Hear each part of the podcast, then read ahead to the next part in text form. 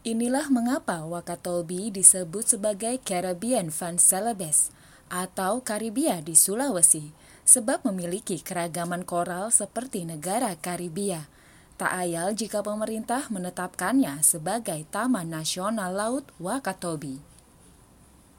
Selengkapnya, tetap di channel podcast Narasi Pos. Narasi Pos, cerdas dalam literasi media, bijak menangkap peristiwa kunci. Assalamualaikum Sobat Podcast Narasi Pos Media, jumpa lagi bersama saya Sofia Aryani dalam rubrik Traveling. Traveling kali ini dengan judul Pesona Wakatobi yang Memikat Hati oleh Dian Avianti Ilyas.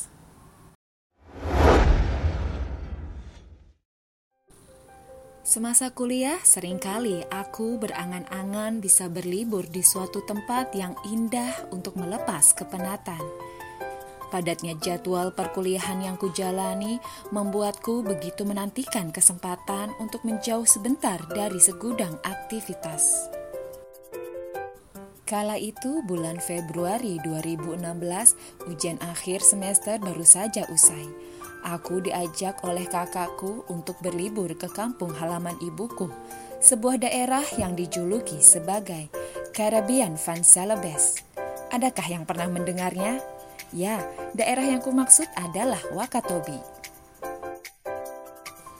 Wakatobi merupakan salah satu kabupaten yang berada di Provinsi Sulawesi Tenggara Uniknya, nama Wakatobi berasal dari akronim suku kata terdepan nama empat pulau utama yang berada di kawasan itu, yakni Pulau Wangi-Wangi, Wa, Pulau Kaledupa, K, Pulau Tomia, To, dan Pulau Binongko, Bi. Aku yang saat itu sedang kuliah di Makassar langsung segera memesan tiket penerbangan menuju kota Bau-Bau, tempat di mana orang tuaku menetap. Hanya butuh waktu satu jam perjalanan untuk mendarat di kota tersebut. Setelah tiga hari melepas rindu bersama bapak dan ibu, aku lalu melanjutkan misi perjalanan liburanku ke Wakatobi. Aku pun memutuskan untuk menempuh perjalanan via kapal laut. Selain ingin menikmati sensasi udara laut dan indahnya deburan ombak, harga tiket yang ramah di kantong mahasiswa sepertiku menjadi alasannya. Cukup menyiapkan uang Rp180.000, kapal feri cepat berkapasitas 970 penumpang siap membawaku menuju Wakatobi. Jadwal keberangkatan kapal pada jam 11 malam. Setelah tujuh jam berlayar dari pelabuhan Bau-Bau, akhirnya kapal bersandar di pelabuhan penyeberangan Wangci di Pulau Wangi-Wangi. Setengah jam sebelum tiba, kakakku mengabari lewat telepon bahwa ia telah menunggu di pintu kedatangan. Ya, kakakku bersama keluarga kecilnya, suami dan anaknya, tinggal di pulau yang menjadi ibu kota Kabupaten Wakatobi ini. Tak menunggu lama, mobil sedan berwarna merah yang kami tumpangi segera meluncur menuju rumah kakakku. Setelah mandi dan istirahat, sore harinya aku diajak mengunjungi permukiman suku Bajo Mola. Aku begitu antusias ke sana sebab rasa penasaranku yang ingin melihat langsung kehidupan suku tersebut. Suku yang dijuluki sebagai petualang laut ini menjadikan laut sebagai tempat utamanya beraktivitas. Mulai dari mencari ikan hingga mendirikan tempat tinggal yang menggunakan pancang-pancang kayu sebagai penyangganya. Suasana di perkampungan Mola sore itu sangat menarik perhatian. Terlihat anak-anak kecil berlarian saling mengejar satu sama lain. Dari balik jendela rumahnya, Wajah para gadis remaja tampak dihiasi bedak dingin. Beberapa perahu kayu terlihat tertambat rapi di bahu kanal yang mengelilingi rumah-rumah warga. Kanal yang lebarnya sekitar 2 meter tersebut digunakan sebagai penghubung rumah yang satu dengan yang lainnya menggunakan perahu. Betapa beruntungnya kami saat sedang menikmati senja di ufuk barat, salah seorang nelayan suku Bajo Mola muncul dengan membawa ikan dan seafood lainnya di atas perahunya. Tak menunggu lama, kakakku mencoba menawar hasil tangkapan yang dibawa nelayan tersebut. Ikan kakak merah dan cumi-cumi segar pun berpindah ke dalam kantong untuk kami bawa pulang. Jadilah malamnya kami berpesta ikan dan cumi bakar.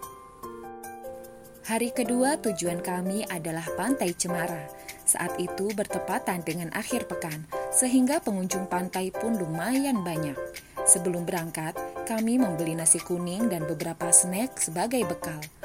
Setibanya di sana, kami mencari tempat yang dirasa nyaman. Jejeran pohon kelapa yang terbentang dari ujung ke ujung di pantai tersebut membuat pengunjung tak perlu repot-repot mencari tempat untuk berteduh. Air laut yang kehijau-hijauan sungguh membuat mata menjadi segar. Hamparan pasir putih menambah pesona pantai ini. Semilir angin merayu mata untuk terpejam. Sedang suara gemericik ombak begitu menambah kesyahduan yang kurasa kala itu. Masya Allah. Pantai ini menjadi tujuan para wisatawan yang hendak menyelam. Keindahan dunia bawah laut Wakatobi memang tak perlu diragukan. Berdasarkan penelitian, Laut Wakatobi menjadi habitat dari 750 spesies terumbu karang dari total 850 spesies yang ada di bumi.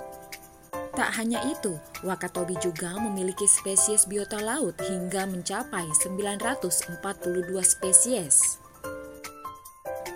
Inilah mengapa Wakatobi disebut sebagai Caribbean Van Celebes, Karabia di Sulawesi, sebab memiliki keragaman koral seperti di negara Karibia.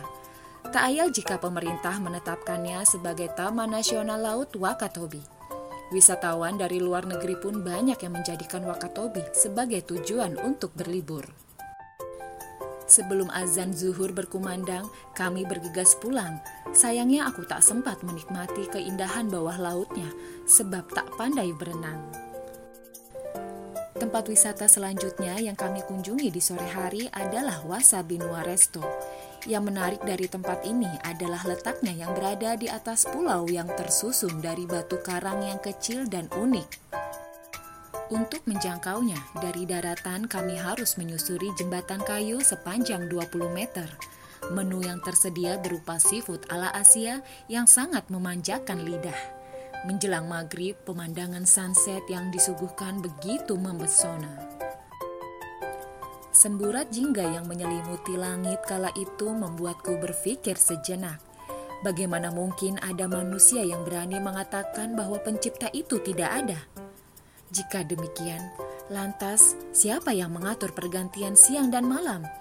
Dari terang menuju gelap dan begitu seterusnya.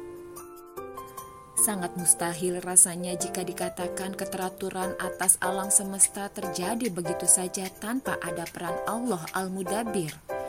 Jika dalam skala kecil saja seperti ruangan membutuhkan seseorang untuk mengatur cahaya lampunya, apatah lagi untuk skala besar seperti bumi ini. Andai saja umat manusia mau melihat tanda-tandanya, maka sekiranya banyak yang akan berbondong-bondong beriman. Dalam Al-Quran, banyak sekali ajakan kepada manusia untuk senantiasa mengamati dan memfokuskan perhatian terhadap benda-benda di sekelilingnya. Dengan mengamati benda-benda tersebut akan memberikan suatu pemahaman yang meyakinkan dan pasti tentang adanya Allah yang Maha Pencipta lagi Maha Pengatur Allah Subhanahu wa taala berfirman dalam surat Ali Imran ayat 190. Sesungguhnya dalam penciptaan langit dan bumi dan silih bergantinya malam dan siang terdapat tanda-tanda ayat bagi orang yang berakal. Setelah menunaikan kewajiban tiga rakaat di musala, kami pun beranjak pulang. Sepanjang perjalanan, pikiranku berkelebat mengingat momen-momen yang telah kulalui selama dua hari di Wakatobi. Begitu banyak limpahan nikmat yang Allah Subhanahu wa Ta'ala berikan. Nikmat hidup, nikmat memiliki kakak yang care kepada adiknya, serta nikmat diberi indera yang sempurna sehingga bisa menadaburi indahnya alam semesta. Semoga dengan nikmat-nikmat tersebut mampu menjadikanku sebagai pribadi yang tak lupa untuk bersyukur. Wallahu a'lam bisawab.